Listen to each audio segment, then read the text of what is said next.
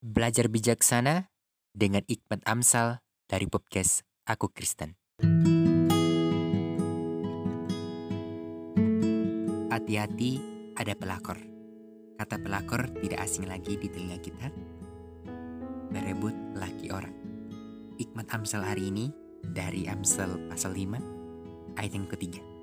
Karena bibir perempuan jalang menitikan tetesan madu dan langit-langit mulutnya lebih licin daripada minyak.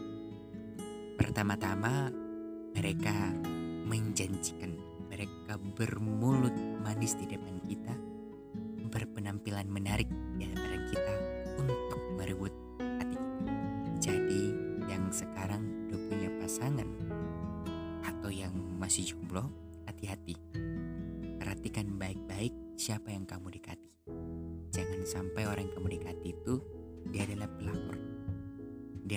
perempuan-perempuan yang berebut-berebut suami orang atau berebut pacar orang.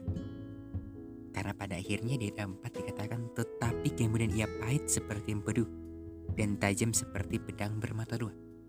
Dan pada akhirnya ketika engkau sudah terjerumus ke dalam dirinya, pada akhirnya yang ada kebinasaan, yang adalah kepahitan. Engkau akan mengetahui ternyata dia sudah punya suami, ternyata adalah perempuan-perempuan bayaran, perempuan-perempuan gampangan, dan akhirnya kecewa. Apalagi kalau sudah sampai kepada jenjang pernikahan. Bisa membuat kamu kecewa, yang ada dia memorot harta kekayaan kamu.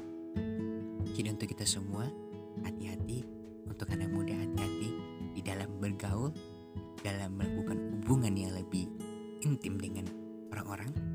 Jangan melakukan ketika belum waktunya. Perhatikan baik-baik dengan siapa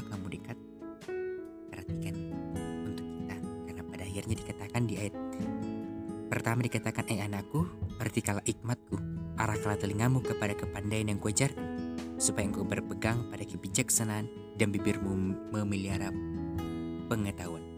Jadi kita harus harus takut sama Tuhan, mendengarkan hikmat dari Tuhan.